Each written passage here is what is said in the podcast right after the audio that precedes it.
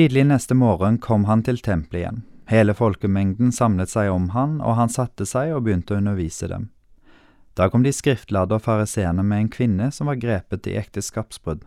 De førte henne fram og sa, Mester, denne kvinnen er grepet på fast gjerning i ekteskapsbrudd. I loven har Moses påbudt oss å steine slike kvinner, men hva sier du? Dette sa de for å sette ham på prøve, så de kunne få noe å anklage ham for. Jesus bøyde seg ned og skrev på jorden med fingeren. Men da de fortsatte å spørre, rettet han seg opp og sa, Den av dere som er uten synd, kan kaste den første steinen på henne. Så bøyde han seg ned igjen og skrev på jorden. Da de hørte dette, gikk de bort én etter én, de eldste først. Til slutt var Jesus alene igjen, og kvinnen sto foran ham. Da rettet han seg opp og spurte, Kvinne, hvor er De? Har ingen fordømt deg? Hun svarte, Nei, Herre, ingen.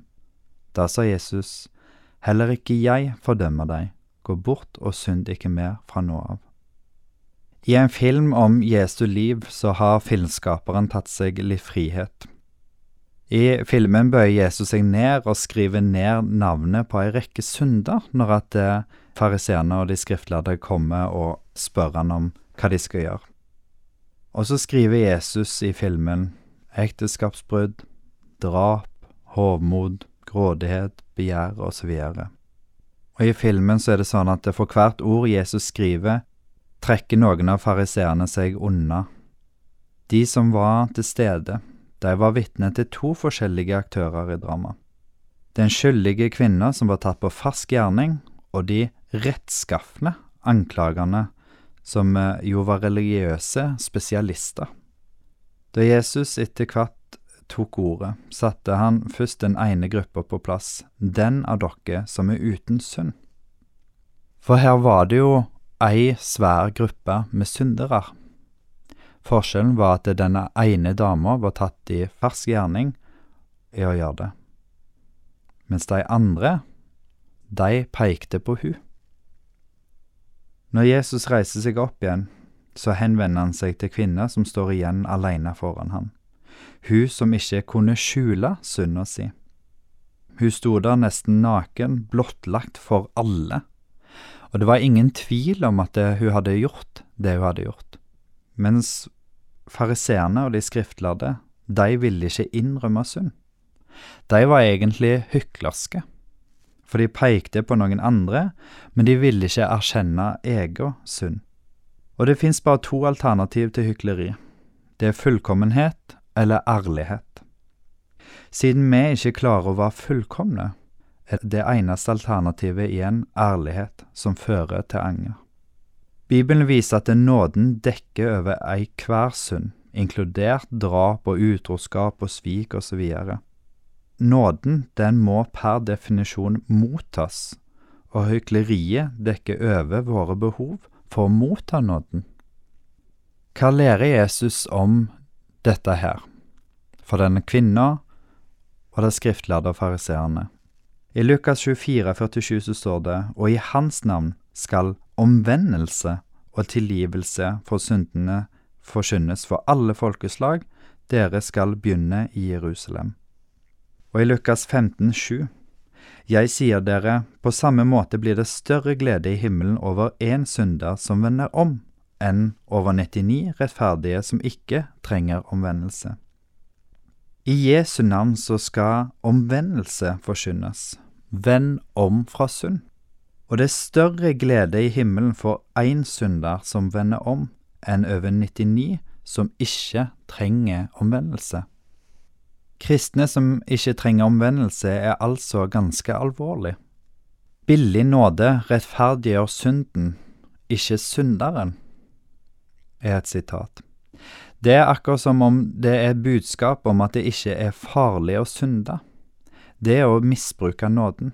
Det er en majestetsfornærmelse av det Gud har gjort. Bak enhver tilgivelseshandling befinner det seg et sår og et svik og smerten ved å være svikta forsvinner ikke så lett. Ei dame sa det sånn, til tross for hundre prekener om tilgivelse, tilgir vi ikke. Opplever vi oss ikke så lett tilgitt heller? Vi oppdager at tilgivelse alltid er vanskeligere enn preken gjør det til. Vi pleier sårene, strekker oss langt i familiefeider og straffer oss selv, straffer andre, alt for å unngå den høyst naturstridige handlingen. Det å tilgi andre er naturstridig for oss. Det koster å tilgi andre. For Jesus kosta det livet. Nåden koster alt for den som gir den, og ingenting for mottakeren.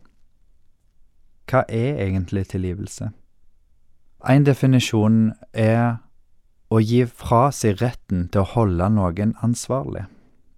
Det er ikke å si at det er greit, men at jeg vil ikke lenger holde deg ansvarlig for det.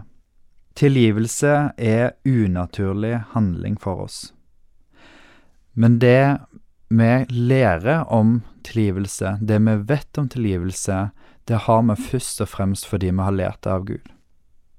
Nåden kom ufortjent. Den kom på Guds initiativ og ikke vår. Og nåden den forvirrer oss fordi den strider mot de instinktene vi har i oss. At noen må stå til rette og betale for uretten. Johannes 8, 9-11 Da de hørte dette, gikk de bort, én etter én, de eldste først. Til slutt var Jesus alene igjen, og kvinnen sto foran ham. Da rettet han seg opp og spurte, Kvinne, hvor er De? Har ingen fordømt deg? Hun svarte, Nei, Herre, ingen. Da sa Jesus, Heller ikke jeg fordømmer deg, gå bort og synd ikke mer fra nå av. Jeg ser for meg at Jesus sitter på huk, for det står at han har bøyd seg ned og skriver i bakken. Og så står det at han bare retter seg opp, ikke reiser seg opp.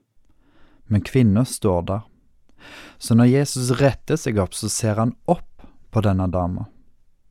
Han kommer nedantil og løfter opp. Han løfter denne dama opp igjen, hun som nettopp er avslørt i ei stor synd, alvorlig synd som hun egentlig skulle bli steina for, og så står hun der igjen, halvnaken, blottlagt, skamfull. Og så løfter Jesus blikket opp på henne, nedantil og opp, og løftene videre opp, og sier, Heller ikke jeg fordømmer deg, gå bort og synd ikke mer. Hun får Jesu tilgivelse. Hun får en ny start, en ny mulighet. Jeg hørte en gang at nåden er som vann. Det søker alltid det lågeste punktet, og så løfter det opp. Nåden søker det lågeste, dypeste punktet i oss, og vil løfte oss opp. Jesus han retta seg opp og så opp på denne dama. Han løfter opp synderen igjen, så den kan bli gjenfødt, tilgitt, rettferdiggjort menneske, så den kan bli en tilgitt synder, og ikke bare en synder. Jesus han gjenoppreiser, gir oss en ny start. Trenger du å komme til Jesus igjen? Jesus han står med åpne armer. Han løfter blikket på deg, vil løfte deg opp igjen, gi deg ny mulighet, rettferdiggjøre deg, gi deg nåde og tilgivelse, og gi deg rett til å bli og være et Guds barn. Herren velsigne deg og bevare deg. Herren la sitt ansikt lyse over deg og være deg nådig. Herren løfte sitt åsyn på deg og gi deg sin fred. Amen.